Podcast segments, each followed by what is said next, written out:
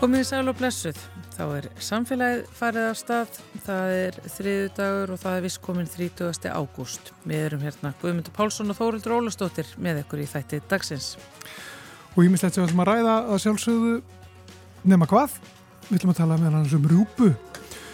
Fyrir þessum mánuði var sagt var því að viðkoma rjúpu hefði verið slök sumstáður á landinu en útliti í vorþótti býstna gott Ólafur Karl Nílsen, fugglafræðingur hjá Náttúrufræðistofnun Íslands hefur rannsakað rúpnastofnun og lagt mat á stöðu hans og horfur og hann sést hér eftir örskamastund.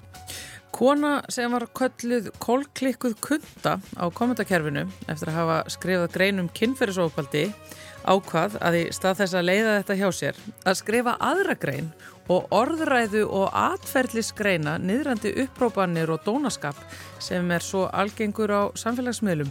Við ætlum að ræða við hana um þetta og hvernig þetta tóks til og hvort þetta skilir svo einhverju. Pál Líndal snýr aftur á loknum sumarleifi með sinn pistil og við fáum ruslarab. En fyrst eru það rjúpur.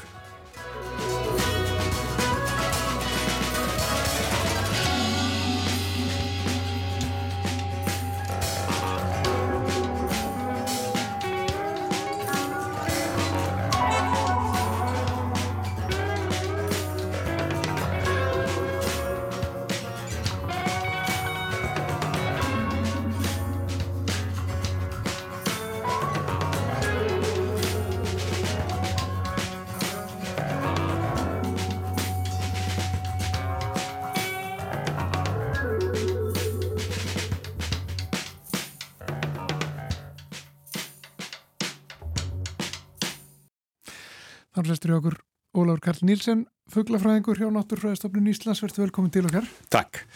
Nú er tíma bara að tala um rúpu, það er sá ártíma, við förum að hugsa til hennar. Eh, það byrtust, já, ykkur að niðurstöður eða ykkur gögn núna fyrir mánuðinum, þar sem að, sem bentu til þess að viðkoma rúpu hefði verið bísnast lög sumstaðar. Eh, er það ekki rétt? Jú. Þess að við á náttúrufræðistofnum við vöktum rjúpnastofnin þetta er okkar mikilvægasta veiði bráð og eitt af því sem við gerum er að við förum út síðsumas ákveðnum svæðum á norðausturhorninu og hér vestanlands og metum viðkomuna hvað er mikið af ungum í stofninum hvernig gekk þeim í sumar Og, og niðurstaðan var, var svo að það gekk ekkit alltaf vel? Já, frekar daburlegt, jú. Hmm. Sem á norðausturlandi þá var lagasta viðkoman sem við höfum mælt og menn hafa stundið þetta alveg frá, eða staðið í þessu alveg frá 1963. Sem það var afspyrnuslagt ástand fyrir norðan og hér vestanlands var það líka slæmt en þó ekki alveg eins vond og fyrir norðan. En e, bara svona til skýringar frjósemi rjúpunar þanniglega séð er mikil og góð. Send fuggli verið kynþróska árs gamall, allir fugglarnir taka þátt í tímkununni og kellinga þetta verpa allar, eða næra allar. E, þegar svona viðkomum brestur verður þá tengist þetta afkomu ungana fyrstu vikurnar í lífið þeirra. Send við förum og teljum ungana þegar þeir eru cirka 34 vikna gamlir og í þessum löku árum eins og núna þá hafa ungarnir fallið í stórum stíl í síðalhutta júni og, og fram eftir júli mm. og er það kuldin? Það er votviðri og, og ef það er vindasamt mm. og þetta tvent fer saman og, og kallt, kallt regningar eða slitta og, og vindur það fer mjög illa með ungarna og dreipur þau stórum stíl Já Og er þetta þá slagt ár hjá rúpunni á öllu landinu eða hvað? Já, við mælum þetta bara á tveimur svæðum, mm -hmm. Vestarlands og Norðausturlandi og e, allavega, eins og ég sagði áðan á þessum tveimur svæðum er viðkoman mjög slög. Við höfum ekki upplýsingar nei, ekki um viðkoman í öðru lagslutum. Mm. Er líklegt að það sé betra ástand annars þar? Já, það er bara eins og því, við hreinlega höfum ekki þær upplýsingar, en þetta tengist eins og ég sagði tíðinni mjög mikið og, og þannig ef það er rigningarsamt og kallt þá falla ángarnir og við skulum muna það að uppistaðan í stopninum á haustin eru ungfuglar. Send í góðum árum þá er veiðistofnin, þessi fugglar á lífi upphæði veiðitímans, þeir eru kannski upp í 80% ungfugglar. Þannig að það munar verulega um það Já. og samkvæmt okkar útreikningum að hildarstoppstað hefði lifun ungana verið eins og í eins og í venjulegum árum þá væri heildarstofnin þetta 200-300.000 fugglum stærri en eðla sko. Þannig að það munar verulega mikið um þetta, já. já. Getur þú tekið saman þá bara hvernig staðan er núna? Þið, þið takið þetta saman eða ekki hjá Náttúrfræðistofnun, þið metið e, stofnin, stærð hans og, og afköst og viðkomi og svo framvegis? Jú, og við gerum upp reikningana e, nokkur sinnum ári og þetta er svona skiladagur núna í tengslum við væntanlegan veiðitíma og við teljum fugglan á vorin og stoppvísutúlur okkar það eru þessar talningar við metum breytileika á fjölda fuggla frá vori til vors. Og ástandið í vor gaf e, væntingar um að stopnin er því stóri í haust sem það var mikið stökk á milli ára 2021-2022 sem mikil og kröftug viðspyrna stopnin í vextum allt land en núna e, kemur þetta bak slag í seglinn. Þannig að veiðistofnin verður miklu minni heldur en væntingar stóðu til. Og hvað þýðir það þá? Hvað þarf að, þarf að bregðast við því, vantalega? E, Og er það hægt? Já, stofnin er á pari við það sem hann var í fyrra og e, við höfum séð svona svipað ástand hjá stofninum, eh, hvaða fjórum, fimm sinnum áður en svona þessar skýslur um eh, stærð veiðistofs þær ná aftur til 1995 þannig við séum þetta nokkur sinnum áður. Hvað þýðir þetta? E, það óhjákvæmulega þá verður veitt minna og væntalega þá pari við það sem var í fyrra sem þetta ráðlög veiði okkar rjúpna veiði er 26.000 fugglar. Í fyrra var ráðlög veiði okkar, eh, ráðlögðu við einhvað um 20.000 fuggla veiði en 26.000 fugglar miða við 4.500 veiðimenn sem ganga þá til rjúpna. Það gerir einhvað um e, e, 6 fuggla á mann sem það eru, e, þetta er svona í ráðgjöfin frá okkur. En þetta er núna í höndum umhverjumstofnunar, þessi niðurstóð okkar, greining á ástandi stopsis og þeir gera væntalega síðan sína tilugur til ráð þeirra um hvernig 90 verður hátta þetta árið. Já, er þetta eina sem við getum haft áhrif á? Er það veiðin? Til þess að, að, að þá e, hafa áhrif á, á e, þennan stofn? Já, svona til skemmri tíma lítið, já þá er það veiðin. Þannig en svona til lengri tíma litið, ef við horfum ára tugi fram í tíman og viljum varveita sterkan rjúpnastofn, þá er nummer 1, 2 og 3 það er að varveita búsvæði rjúpunar, sem hún á allt undir því að hér sé búsvæði við hennar hæfi. Samlega því sem við nýtjum þennan stofn, ef við ætlum að gera það áfram, að við gerum það á, á e, þann hátt sem er skinsanlegt. Og er, er þrengt að rúpunni? Eru hennar búsvæði í hættu? Já, til lengri tíma litið, já. Bara ef við horfum til áforma skóraktarinnar og hver þeirra framtíðarmyndi er og horfum þá öld fram í tíman, þá eh, ætlaði sér að leggja um helming varblenda rjúpunar undir skó. Oppin að þessu landi er vaksinn framhandi trjátegundum, þetta er ekki búsvæði fyrir rjúpuna og rjúpan mun líða jæmt sem þeir mófuglar sem að byggja þessa móa nú í dag, heilóan, spóin, lóuþrællin, e, svo ég nefni þrjá algenga mófugla fyrir þarna rjúpuna. Þetta lítur svolítið að vera svolítið tókstræta þannig þá.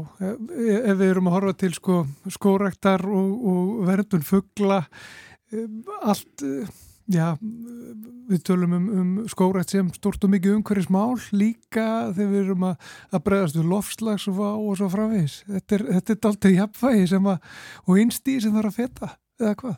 Jú, jú, vissulega, en menn verða að gera sig grein fyrir hvaða afleiðingar þau skref sem þeir alltaf stíga munu hafa og hvernig þeir alltaf bregðast við á bara að líta algjörlega framhjá þessu eða reyna að taka á þessu einhvern máta í þessi stopna sem ég nefndi áðan vaðfuglastofnandir þetta eru svo kallar ábyrðartegundir okkar Íslandinga það verulega stór hluti af heimstofnun að byggja í Ísland. Og e, framtíð er að þannig sé þeir í uppnámi. Já. Ef við tölum meira um, um uh, rúpuna um, þetta er þetta, sko, þetta er sveiplukendur stopn er það ekki? Þa, það eru oft miklar sveiplur í þessum stopni og af hverju er það? Feiklar miklar sveiplur af hverju er það svona tíðar? E, já það er samspil náttúrulegra þátta.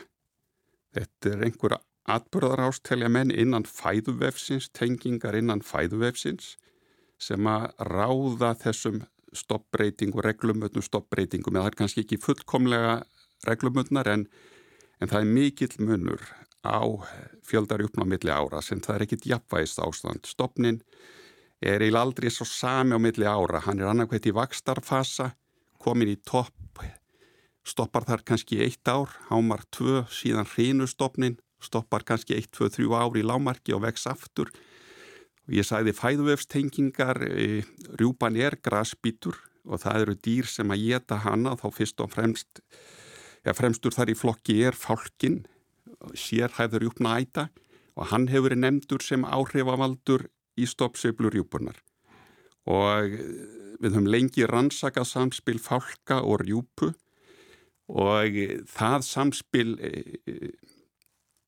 e, styrkir okkur í þeirri trú að fálkin sé einn af áhrifavöldunum. Hann sveiplast eins og rjúpan en með töf, líkt og áhrifavaldur þarf að hafa, hann er með töf þannig að vægi hans eða virkni er mest þetta tveimur, þremur árum á eftir hámarki í stoppstæður rjúpunar. En síðan eru líka mögulegar aðra tengingar inn að fæðuvefsin sem skipta máli. Sem það eru sníkjudýrin sem að herja á rjúpuna. E, það er mikill munur á heilbreyði fugglana eða lífanleika á milli ára og ef við mælum hristi fugglana og við gerum það núna á hverju hösti þá fáum við vísitölu sem að rís og nýgur rétt eins og stopnin. Það er í allt sem að sviplast hjá rjúpunni, það er ekki bara fjöldin, e, það er heilbreyði fugglana, við mælum stærðin á þeim og jafnvel stærð á einstungum líffærum, e, þá sjáum við allstaðar mikla breytingar á milli ára og ég sæði fæðuvöfst tengingar, ég áfnir hefna fálkan sem er þá rámdýr sem er herja rána, ég nefndi sníkjudýrin og síðan er líka fæðan sem skiptir öruglega máli sem fæðarjúpunar. Hún er grasbítur og það er þessa plöntur sem hún bítur yfir, vet, yfir haust og vetur sem eru mest smárunnar, e, fjölærir og það er talið að sagt, tengsl þessara plantna við rjúpuna séu þannig að þeir geta haft neikvæð áhrif á heilbriði fugglana með þeim varnarefnum sem þeir framleiða og draga úr meldanleika þeirra bita sem að rjúpan býtur og slítur af plöntunum. Og það eru efni þar sem að hafa vond áhrif á fugglin og heilbriði hans. Þannig að, að já. Þetta er flókið samspil. Það er það. Og síðan já. eru við menninir þarna inni. Heimta sitt. Já já. Og það eru þúsundir manna sem ganga til rjúpna á hverju ári. Mm. ef við skoðum atferðlið þeirra hvernig þeir haga sér gagvart rjúpnastofninum. Við nefndi fálk á náðan stoppstærð hans rís og nýgur en með töf. Og þeir sem að ganga til rjúpna fjöldi þeirra hann rís og nýgur í takt við rjúpnastofnin en án tafar þannig að það ganga flestir þau ár þegar mestur rjúpu. Og einnig e, e, eru líka já, það er það sem að kalla í vistfræðinni atferðlisvörun þá eru við að horfa rándir í mannin hérna hvernig hann fjöldi veiðidýra sem hann nær, hvernig hann sá fjöldi breytist þessu stoppstærð, hér þá bráðarnar, stoppstærðrjúpu, sem það er beintenging þar á millis. Það, þegar það er mikið af rjúpu þá ganga tiltúlega fáir og þeir eru með skila tiltúlega fáum fuglum. Þannig að miða við hvernig þetta kerfi virkar, þessi tengsl skotviðimanna er rjúpnaviðimanna við stoppstær rjúpunar þá er svona e, þá getum við spáð fyrir með þokkalegu öryggi hver veiðin verður það haustið Já. og það á við þetta kerfi er þannig að, að þegar það er lítið af rjúpu þá veiða menn umfram ráðgjöf þegar það er mikið af rjúpu þá veiða menn e, undir ráðgjöf og hér þetta helgast að viðbröðum veiðimannas þeir, það er e, það er eins og þeir sem að þó farið þurfa að uppfylla einhverja lámast þörf þannig að menn vilja helst ekki fara undir þetta 7, 8, 9 fuggla ef þeir eru annar bár ganga mm -hmm. Og síðan við hinnendan þegar það er mikið af rjúpu þá bara mettast kerfið. Kannski finna menn til sektarkendar þegar þetta er orðið mjög mikið. Í allavega það e, eins og kerfið er núna þá hefur veiðin sveiblast frá um 30.000 fugglum upp í 90.000 og eins og ég sagði við lægri mörkin þá er menna veiða umfram. Við hærri mörkin þá er menna veiða undir ráðgjöf. Þyrti kerfið að vera öðruvísi? Í sko, það sem menn annars staðan það sem menn eru að stjórna þessu þá er í svona sóknarkerfis það er ekki kvótasetning fre, menn reyna að stjórna þessu með dagafjölda. Og við höfum pröfað það og við höfum farið niður í nýju daga til þess að reyna að draga úr sókn en svona meðal veiðimaðurinn hann er að fara þetta 2, 3, 4 daga. Þetta er að jafna því einhvað um 3 dagar. Þannig að jafnvel þó við förum í nýju daga þá erum við ekki að takmarka sem umsvi veiðimanna. Ef við ætlum að, ætlum að gera það með eins og, eins og kerfi virkar nákvæmlega núna e, þar sem að við erum með sóknarstýringu sem gildir fyrir allt landið þá þyrtum við að fara miklu lengra niður til þess að biti sko, ef að það væri ætlunni þá erum við að tala um þetta kannski þrjá fjóra daga Já, Já. Það er ekki raunhæft eða hvað? Já, ég er ekki að segja það, ég er bara að segja það ef menn, ef menn í þessu kerfi nákvæmlega eins og það virka núna já. ef menn ætlaði að draga úr sók með því að, að rokka með veiðidagana, við erum búin að gera þetta ítrekkað á síðustu 20, ja, síðustu 17 árum, við erum búin að gera þetta ítrekkað og svona nýðustafan úr því ef við ætlum að láta þetta býta verulega til þess að draga úr sóknagetunni og þetta er bara kallt mat á mm -hmm. aðstæðum þá þurfum við að fara miklu neðar heldur um ef við nokkur tíma gert áður. Já. Þá var þetta örfáðu dagar, eins og sér. Já. Já. E, Ólaug Kart Nílsen, fugglafræðingur hjá Náttúrfræðistofnun Íslands, takk fyrir komuna, takk fyrir að ræða okkur um rjúpuna. Getur fólk skoðað ykkar niðurstöður og rálegengar? Já, þetta er opið öllum. Það er bara farin á vefin okkar. Þetta er þá fréttagsins. Já. Það er greinagerð Náttúrfræðistofnunar um ástand rjúpnastofnsins 2022. Já, margir sem á áhuga á því. Takk fyrir komuna. Takk fyrir mig.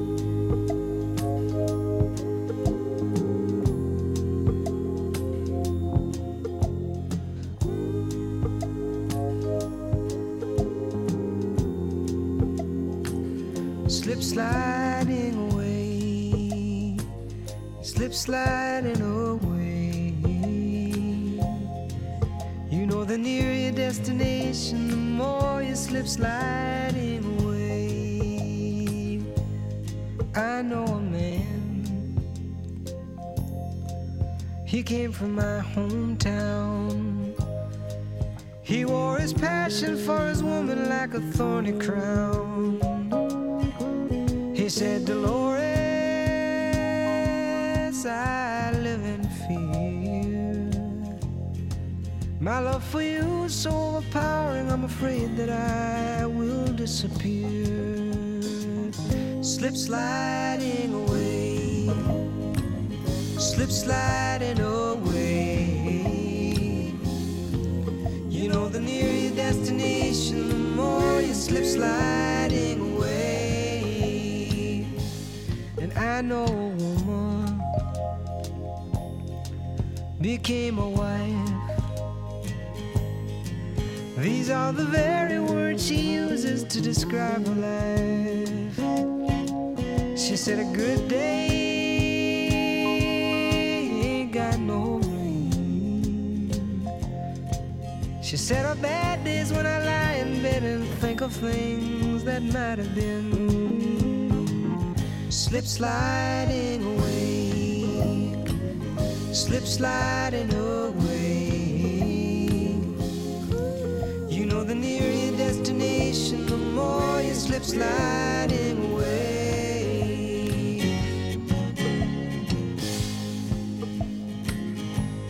And I know a father who had a son. He longed to tell him all the reasons for the things he'd done. He came a long way just to explain. He kissed his boy as he lay sleeping, then he turned around and headed home again. His slip sliding, slip sliding away. You know, the nearer your destination, the more you slip sliding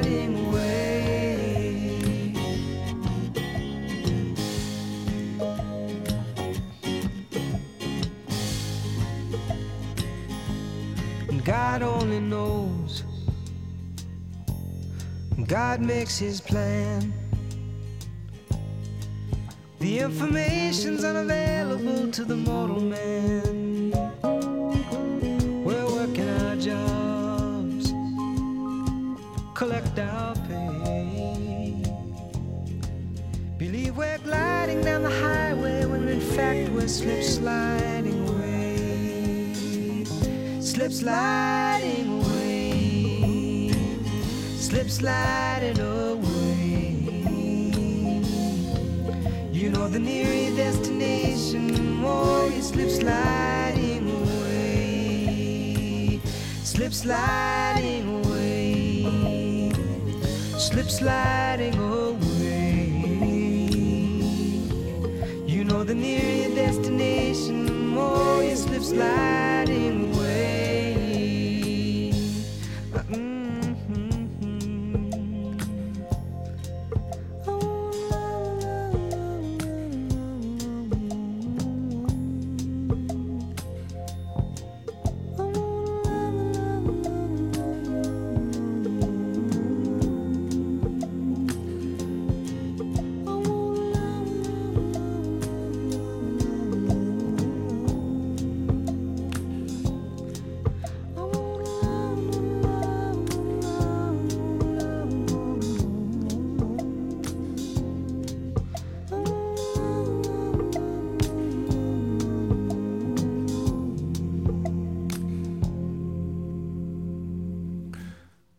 Þetta var Paul Simon og lagið hans Slip Sliding Away. Fyrir skemstu skrifaði Hrafnildur Sigmarsdóttir sem er ráðgjafi á stígamótum grein á internetið þar sem hún fjallaði um kynferðisofbeldi og gerandameðverkni.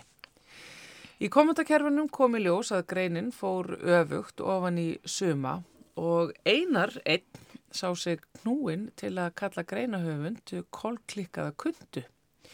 Hrafnildur skrifaði þá aftur grein þar sem hún veltir fyrir sér hvaðan svona viðbrögð og umali sem einar er vissulega ekki einnum að við hafa daglega á internetinu koma og beitir til þess meðal annars verkfærum orðræðu og atferðlis greiningar. Hrafnildur er sest hérna hjá mér, sælverstu. Sæl. Kom þeir það á óvart að uh, þér væri útúðað í kommentarkerfum eftir að hafa skrifað feminiska grein um kynferðisofbildi?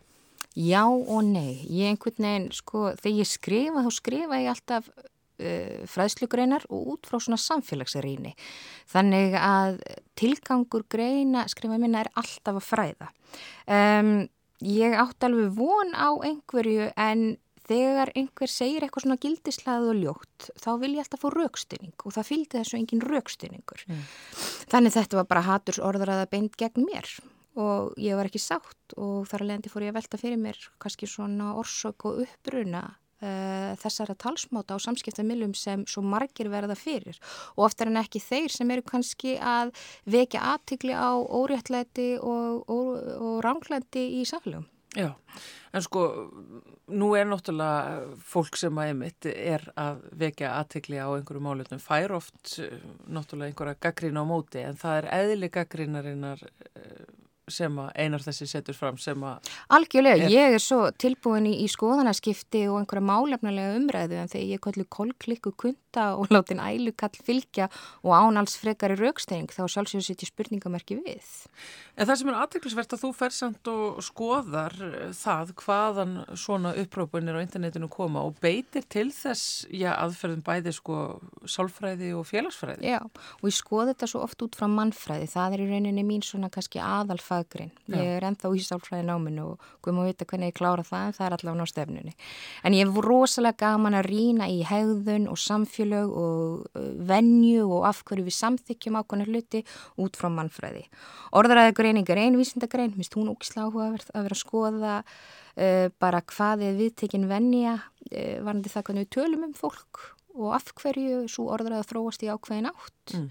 Og þarna held ég að varandi bara andfélagslega ummæli á netinu, ég held að sé eitthvað svona bland af bæði kannski eitruðum hugsunahætti eða mannkostaskorti sem er algjörlega andfélagslegur í eðli sínu. Og síðan líka bara svolítið hvern hatri. Já, þannig að þetta er þá í rauninni bara byrtingamind svona ákveðin svona viðtekina kerfa og, og, og samþykkis í samfélaginu Algjörlega. á ákveðinu hegðun Algjörlega. sem þú segir andfélagslega. Algjörlega og þetta er náttúrulega bara ein, ein, ein önnur byrtingamindin af andlegu ofbeldi og eins og alltaf ég er alveg til í skoðanaskipti og, og málefnulega gaggrinni en þetta er ekki málefnulega gaggrinni, þetta er einhver gethóttaskoðun einhver staður út í bæ sem er byggð á yngu mm. og þá er náttúrulega er, er ekki um að tala einhverja um, það er engin grundvöldur hérna til að eiga uppbyggileg skoðanaskipti og það á að gerast á netinu uppbyggileg skoðanaskipti. En það er einmitt sko það sem að gerast á netinu eru kannski ekki allir sömu skoðanaskiptin og, og, og fólk á í svona maður, maður auglitis til auglitis. Eh, er, er ekki bara sens að við kunnum bara ekki alveg að hægða okkur á internetinu veist, og, og komentarkerfunum en... Við finnst fél okkur á bakvið það en það eru til góður og gildar samskiptarreglu sem við hefum verið að þróa í, í, í þúsundur ára og það gerur okkur kleift að eiga í tiltölulega uh, sómasamlegum og síðlegum samskiptum bara dagstæðilega, ég á móti þér núna, bara spjalla saman. Um, þess vegna skil ég ekki að hverju við beitum fyrir okkur einhverju kunnótt og þekkingarleysu bara því við erum baku tölvu. Já, það menna. Já, og við hefum náttúrulega verið baka tölvu núna í, í nokkra áratíu þannig að við vættum að vera búin að læra þetta. Já, sem er svo undarlegt að því að í gegnum tölvuna erum við með aðgengi að óragrú og upplýsinga en við verðumst ekki verið að nýta okkur það til þess að auka við um, þekkingum mannsandars eða þróun manneskunar. Já, en mér langar að staldra þess við þessa pælingarinnar um andfélagslega hegðun. Uh, því ég átta mikið alveg á því sko hvað þú átt við þú ert að tala um andfélagslega hegðun og hvernig hún byrtist þá eins og til dæmis í komandakerfum. Já, svo að andfélagslega hegðun vísa til hegðunar sem enkjannist að bara viðvarandi tillitsleysi og hunsabæði réttindi og tilfinningar annara. Þetta er oftar en ekki hávar og grimdali meðhundlun á öðru fólki og yfirgnæfandi tilvistaréttur þess sem er að fara með umalinn hljóma með mjög hátt og þegar við erum að tala kannski um sterk andfélagsleg enginni erum við að tala um vanverðing og skeitingaleysi fyrir samfélagsreglum um, við erum að tala um ákafa, við erum að tala um tortrygni við erum að tala um virðingaleysi hvort öðru fólki það er oft yfirgengilegur hróki hjá fólki og það er ofmat og eða ágæti það er einhver svona tilfinningum vitsmunalega yfirbörði á þess að þurfa að raukstuða það neitt frekar mhm. -huh. og það er óhófleg skoðanagleiði. Þetta fólk er oft, hegðun þessara fólk enginnst ofta kvatvísi, skiplagsleysi Það er að sína ógnandi hegðun, óheðalega, garð annara, það er mjög svona óhóflegur pyrringur, það verðist vera mjög lágur streytuþöldur, uh, þröskuldur. Við tala um lélega tilfinninga og kvatastjóru, yfirganga, óbildsfulla hegðun, skort og samkend og þarf að áhættu taka og tillitsleysi varðandu öryggi annar og síðan ábyrðaleysi kakvart áhrifum og afleggingum gjörða sína. Sko við getum öll verið segum einhverja umurlega hegðun kakvart öðru fólki og oftar en ekki er hún bara einhvers konar tímabundi við námgakvart aðstæðubundinu getuleysi, bara við vitum ekki hvernig að okkur og hugum okkur eins og fíbl og svo Já. bara því að við erum uh, sjálfuríninn og með síðfyrirskend og kannski stöndu tekum við skrifti bak og segja, heyrið, sorry með mig, ég fór yfir línuna hérna. Uh, þeir sem eru með kannski andfélagslega persónleika röskun eða sína sterk andfélagslega hegðunareinkinni, þeir eru ekki færir um þetta, að við kallum self-reflect eða þar segja að rýna í eigin hegðun. Sko allt þetta sem maður varst að telja upp er, er, hérna, ég fyrir að hugsa um alveg svona, og ég held eiginlega allir eru hljóta að gera það, eh, við þekkjum þetta fólk á internetinu, þú veist, ef þú ert að einhverjum hóp, eh, hvort sem að það er bara verið að fjalla um uh, gæludýr eða, eða, eða skórekt eða landrækt eða málfar eða, eða, eða ríkisúturp eða hvað eina. Já. Ég, hérna, veist, það eru nokkrir sem Koma bara beint upp í hugan. Já, sem að koma í hugan, veist það er bara maður Já. sér þarna, ég, ég er að leita á íslensku orðinu, ég hugsa bara þessu usual suspect Já. sem eru, eru alltaf Já, í öllum kommentum og setja einn posta og þetta er alltaf, þetta er, þetta er þá einmitt eins og þetta er andfélagslegt. Þetta er andfélagslega hegðun og hérna og rannsóknir hefur syngt að einstaklingar þá með uh, persónleikaröskunina sjálfa og til þess að greinast með persónleikaröskunina sjálfa þá þarfst að uppfylla ákveðin greiningaviðmið, þú þarfst að uppfylla ákveðin fjöldagreiningaviðmið og þau þurfa að hafa verið ráðandi í þínu persónleika yfir ákveðin tíma. En eins og ég sagði við getum öll sínt þessi hegðunar einkenni við ákveðin aðstæðunum en sem sagt uh, rannsóknir hefur sínt að þessir einstaklingar sem er þá með þessu röskun eiga erfiðara með að breytast, eh, bregðast við breytingum og almennum kröfum daglegs lífs og þeir eiga erfiðara með að viðhalda nánum sambundum og þeir eru bara mjög ósveigjanlegir, öfgakendir og uh, óstöðugir í hegðun.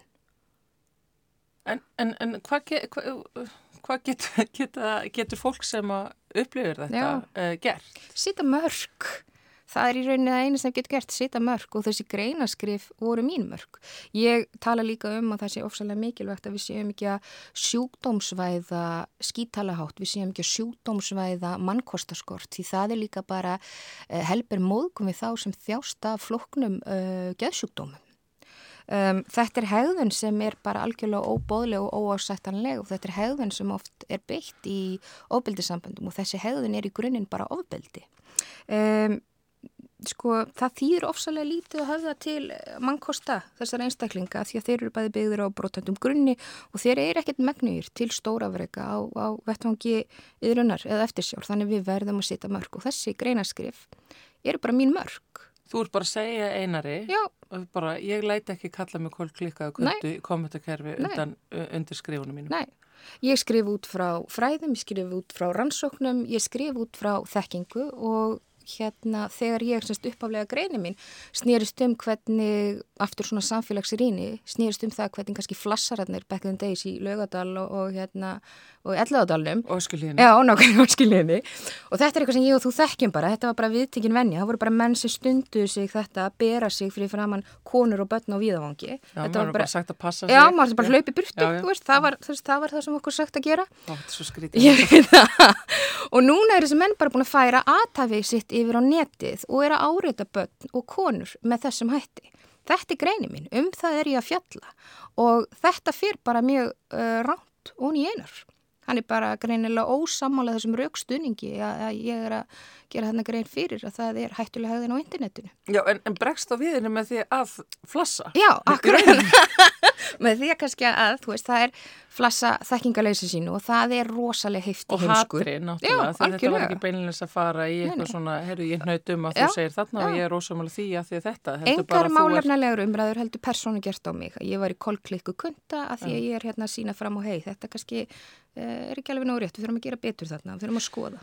Mér langar nefnilega einmitt að kannski að staldra aðeins að annað sem að maður fyrir að hugsa í þessum skrifiðinum að því að þetta er náttúrulega viðbrað Karlmanns við skrifum konu um kynferðsóbeldi Já. og, og, og, og þetta er feminist grein sem þú ert að skrifa og, og, og, og ég hugsa allir feministar hérna af öllum kynjum þekki náttúrulega að það getur oft komið mjög ofsafengi viðbrað við einhver slíku. Um, er þetta, sko, hver er munurinn á skadleiri karlmennsku sem að er mikið talað um Já. og andfélagslegra hegðun? Sko í raun engin. Við erum hann að tala, við erum búin að tví greina, tví nafngreina sama hlutin því að í eðlisínu er uh, eitru kallmennska bara andfélagsleg hegðun. Hún er það.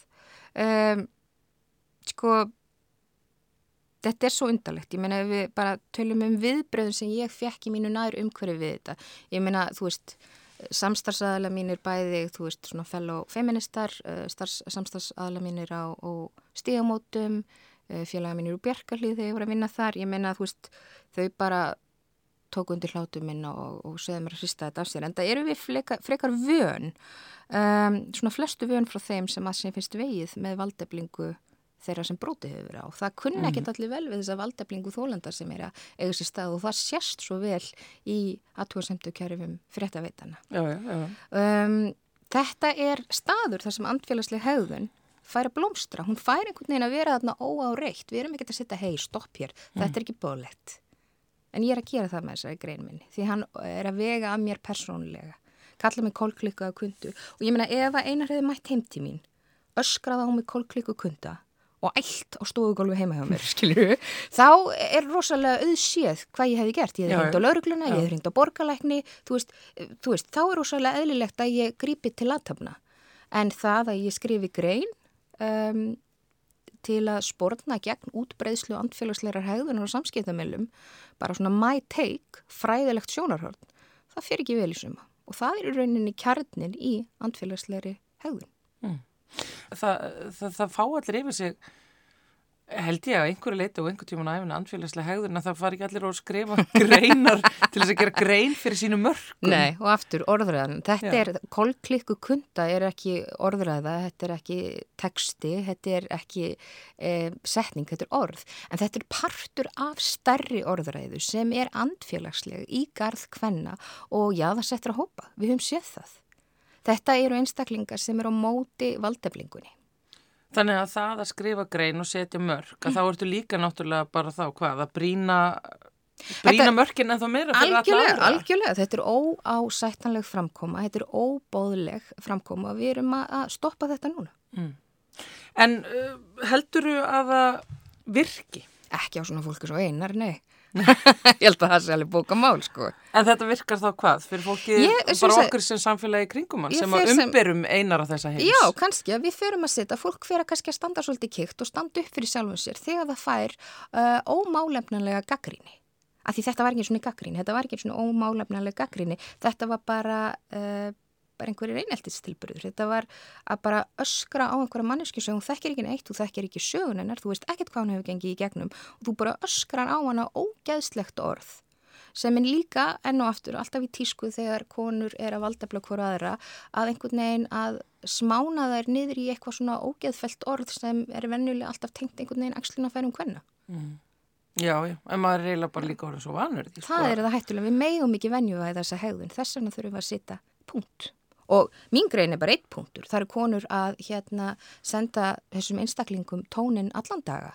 Ég tek ofan fyrir þeim konum uh, og bara öllum kynjum sem nenna daginn út og daginn inn að standa í uh, harkinu sem fælst í því að svara svona heimskulegum umælum á fréttaveitum, aðtórsamtökjænum fréttaveitana. Já, já. Ég, hef, ég hef ekki í það, þess vegna skrifaði bara grein og svo bara læti ég hana fara út og fólk tekur henni eins og það vil. Já. En eins og er þegar ég fæ svona tilbaka, það er ekki læg. Ég tek málefnulega gaggrinni allan daginn en ekki svona umali. Og engin kona, e, á, engin einstaklingur áður að sitja undir svona. Þetta er allavega eitthvað til þess að hugsa um fyrir eh, okkur sem þræðum okkur í gegnum netið daglega og erum inn á umræðuhópum og Facebook Já. og inn á Twitter og mm. skoðum oft kommentakerfin eftir frettinnar og þarfram til kvötunum það er einhvern veginn Það er rosalega... Meila, já, ég hugsa sko, ég er einhvern veginn bara orðin svo vönu svo að já. ég er eiginlega hægt að þjóta upp. Nei. Þannig að sko, já. ef ég hefði séð þetta komment já. undir eh, greininni þinni, á internetinu, Já. eitthvað upprópum, kólklingu, kunda og ælukall. Ég hefði líklega bara haldið áfram að sé niður. Já. Þetta eiginlega hrærir ekki lengur við mér. Nei, kannski er það að því ég til dælu nýbyrjuð að skrifa og greinanda mín hafi hérna eins og ég segi fræðslu greinar fyrir oftar en ekki vitundavakningu varðandi afleðingar ofbeldi eða sem sagt svona uh, til að styðja við þúlendur ofbeldis eins og ég segi það kemur bara illa við marga. Valdefling þessa hóps er að koma illa við marga og það eru oftan ekki þeir sem óháð kyni þjástaf eitalari kallmennsku sem er bara andfélagslega hegðunni, andfélagslegt viðhorf í eðlisínu. Já. Í hvert hlustundu til þess að lesa þessa grein, þetta er aðteglisverð leið til þess að takast á við uh, uppróparan á internetinu. Um, og síðan er mitt að fara að hugsa um alla hinn og uppróparana uh, út frá þessu og einmitt nota líka tækifæri til þess að skoða sína eiginhegðun, hvort að maður er kannski að annarkort að hrópa upp eitthvað sem á ekki rétt, sér, rétt á sér eða ég vil bara orðin of vanur þessum upprópunum að það er mögulega orðið bara eitthvað óæðilegt. Ég held að þetta sé það, ég held að þetta snúist miklu meira um ákveði kannski sinnuleysi eða viðnámsleysi bara ótrúlega góðra einstaklinga sem ástæðan fyrir því kannski að svona orður að það fá að blómstra. Já. Ég held að það sé kannski uh, málið og, og þarna ofbeldi, það er rosalega vitundavakning varðandi ofbeldi, eðli ofbeldis, afleðinga ofbeldis í gangi í samfélaginu dag og internetið er bara eitt annað rými þar sem ofbeldi er. Já, við þurfum náttúrulega að berjast á auðvitað gegn Já. því en svona allstar annar staðar. Bara skoða, skilja, gaggrinn hugsun, áhæfst þetta allt saman. Já, já. Rafnildur Sigmarsdóttir, takk kærlega fyrir spjallið hérna í samfélaginu. Takk sem leiðis.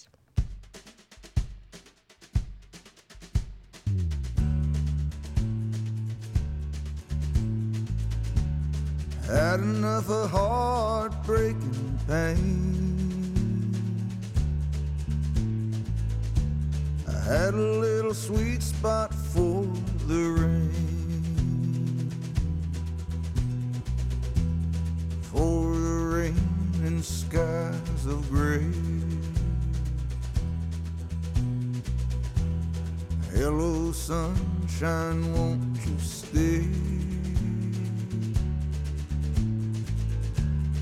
Know I always liked my walking shoes. But you can get a little too fond of the blues. You walk too far, you walk away. Hello, sunshine, won't you stay?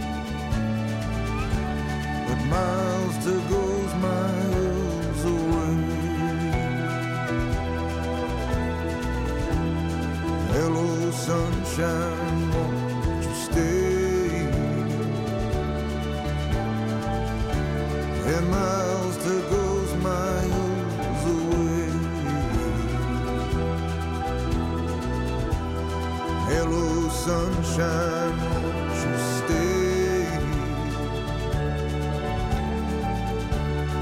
hello sunshine won't you stay?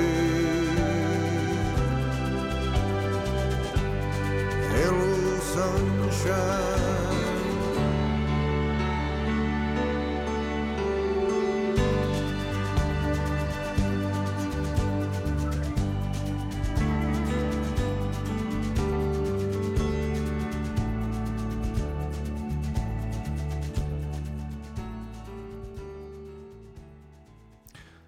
Þetta var Bruce Springsteen og lagið Hello Sunshine lag sem kom út uh, árið 2019 Hér á eftir eh, sest Pál Líndal, ungur sálfræðingur niður og les okkur pistilinn sinn af sinni alkunnu snild. Hann hefur náttúrulega verið hér hjá okkur áður í samfélaginu og hlustundum og góðu kunnur. En e, fyrst ættu við að taka eins og eitt ruslarapp, er það ekki?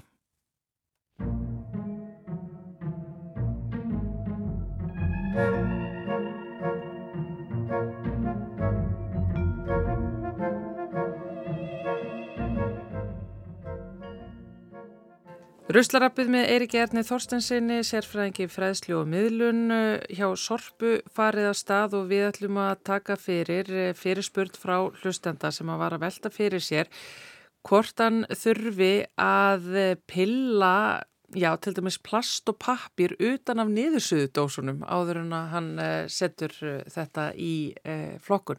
Er það þannig, Eirikur? Sko þegar, þegar hérna, ég heyri þetta þá hugsa ég alltaf um bara oradósunar, græna bönir uh, og, og margir eru að, að uh, taka, taka pappan af sem er í raun og veru bara náttúrulega flott og frábært en, en í raun og veru óþarfið þetta er, er að mestu uh, málmur flokkast sem slíkur og, og pappirinn þá bara brotnar niður Já. þannig að, að bara ef, ef, að, ef að fólk er að taka þetta af þá er það bara ekkert með gott en, en kannski óþarfi Já, og það er líka náttúrulega fyrir eftir niðursöðudósum hversu auðvelt það er að þetta af, sko. Ég veit til dæmis að því að við erum að tala um oradósirnar, það er ekkert mál að rýfa pappan utan af, pappirinn utan af þeim, en ég hef alveg lendið niðursöðudósa sem að þetta er svo kyrfilega límt á að það er engin leið að losa þetta af, þannig að þá bara benti í, í e, málminn með þetta. Já, ég myndi mæla með því. Já. Þetta innfaldar eflust eldamönskuna og frágangin eftir hanna til muna hjá einhverjum þann úti. Takk alveg fyrir þetta, Eirikur Örn. Takk fyrir mig.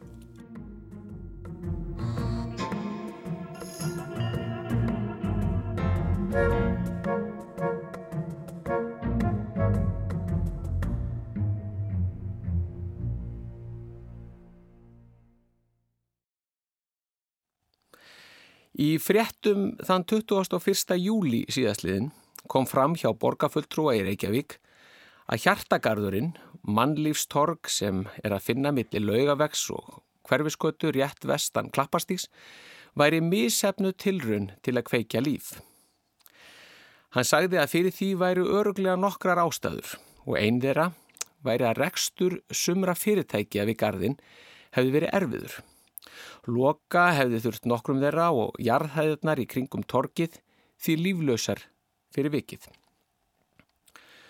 Borgarfuttrúin sagði skipularsráð borgarinnar meðvitanum vandan og sagðist vita til þess að rekstraræðilar hefðu reyndað gæða gardin meira lífi með því að setja út stóla, borð og júrtir ímiskonar.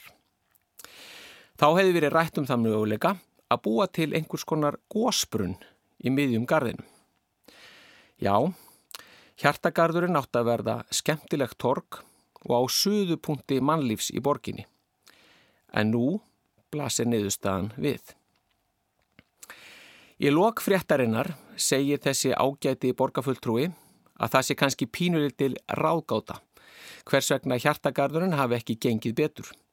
Þarna sé gott skjól og sólinn skín og kringum gardin séu tiltorlega lág hús. Svo mörg voru þau orð. Fyrir mann sem fæst við umhverfið sálfræði alla daga er þetta sennilega merkilegasta frétt sumarsins. Og það sem er hvað merkilegast er svo mikla trú sem bundin er við að leysa megi þetta viðfóngsefni og blása lífi í hjartagarðin með því einfallega að beita higgjuvitinu og almennri skinnsemi. Svo skilja megi samspil fólks og umhverfis þurfu bara að ræða við valda aðila, kasta boltanum á milli og lenda málinu. En kíkjum aðeins nánar á þetta.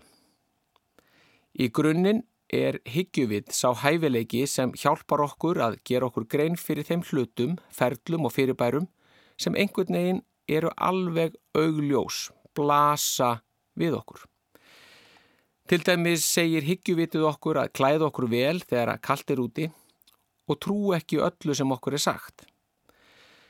Það má segja að higgjuvitið samanstandi af upplýsingum sem við söpnum á leið okkar gegnum hverstaslífið.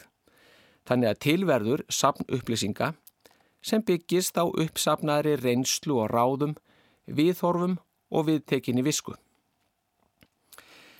Tilgangur higgjuvitsins er svo að koma í vekk fyrir að við tökum óskinsanlegar ákvarðanir eða hugum okkur með óskinsanlegum hætti.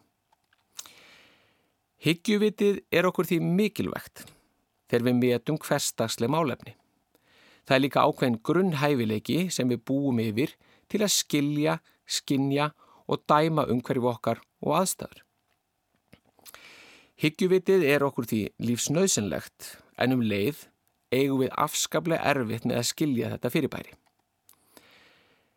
Hyggjuvit er vanalega hugsun sem skapar með einhverjum hætti rétta tilfinningu. Hugsun sem vekur upp samfæringu innra með okkur um að þetta einfalda og augljósa sé hið rétta. Við getum verið sammála um að eitthvað tiltekið falli undir almenna skinnsemi og hyggjuvit svo lengi sem við gefum okkur sömu fórsendur. En þessi nálgun skapar vandamál sem við áttum okkur ekki á og fælst í því að við teljum hyggjuvitið hitt eina rétta í stöðunni. Slíkt skapar svo annars konar vandamál því við höfum ekki öll sömu tilfinninguna fyrir sömu hlutunum. Eitthvað skapar rétta fílingin hjá einum en gerir það alls ekki hjá þeim næsta og þannig deila þeir ekki sömu hugmyndum um hvað telst higgjuvit og almenn skinnsemi. Og af þessum sökum er vafasamt að byggja stórar og mikilvægar ákvarðanir sem hafa áhrif á og snerta marga á higgjuvitinu einu saman. Það sama gildir ef leysa á flókin verkefni. Í þessum tilvikum þarf gaggrína hugsun. Hyggjuvitið hendar mjög vel til að leysa hverstagsleg verkefni sem flestir eru sammála um. Vandamálið er hins vegar að beiting hyggjuvitsins finnst okkur svo skilvirk aðferð að við freystum skjarnar til þess að grípa til þess þegar við tökum ákvarðanir eða spáum fyrir um aðstæður sem ekki eru hluti af okkar hverstagslegu aðstöðum, segir félagsfræði profesorinn Duncan Watts sem skrifaði bókina Allt er augljóst þegar þú veist svarið. Hann bætir svo við. Þegar við reyðum okkur einungis á hyggjuvitið við ákvarnatöku þá er niðurstaðan skjót og augljós og við föllum í þann pitt að takmarka hlutina algjörlega við okkar eigin veruleika. Skipulag og hönnun umhverfis er klálega eitt að hittamálum samtímans.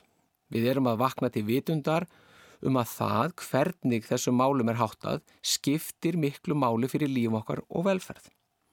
Og þó við vitum ímislegt um samspil okkar við umhverfið, þá er nákvæm greining og úrvinnsla á samspilinu fjarrið því að vera hluti af daglegu lífi langsamlega flestra. Þess vegna eru þessi orð að núverandi staða í hjartagarðinum sé kannski pínulitil ráðgáta svo áhugaverð. Vissulega má taka undir þessi orð og meðan hyggjuvitinu einu saman verður beitt má telja víst að staðan haldi áfram að vera rákota. Það sem hjartagarðurinn hins vegar þarf er vísendalega nálgun sem getur varpa ljósi á hver hinn raunvörligi vandi er og hvernig megi leysa. Vísindi byggja nefnilega á allt öðrum forsendum en hyggjuvitið enda má skilgrana vísindi sem rannsókn eða þekking á heiminum sem byggir á aðtugunum og tilrunum.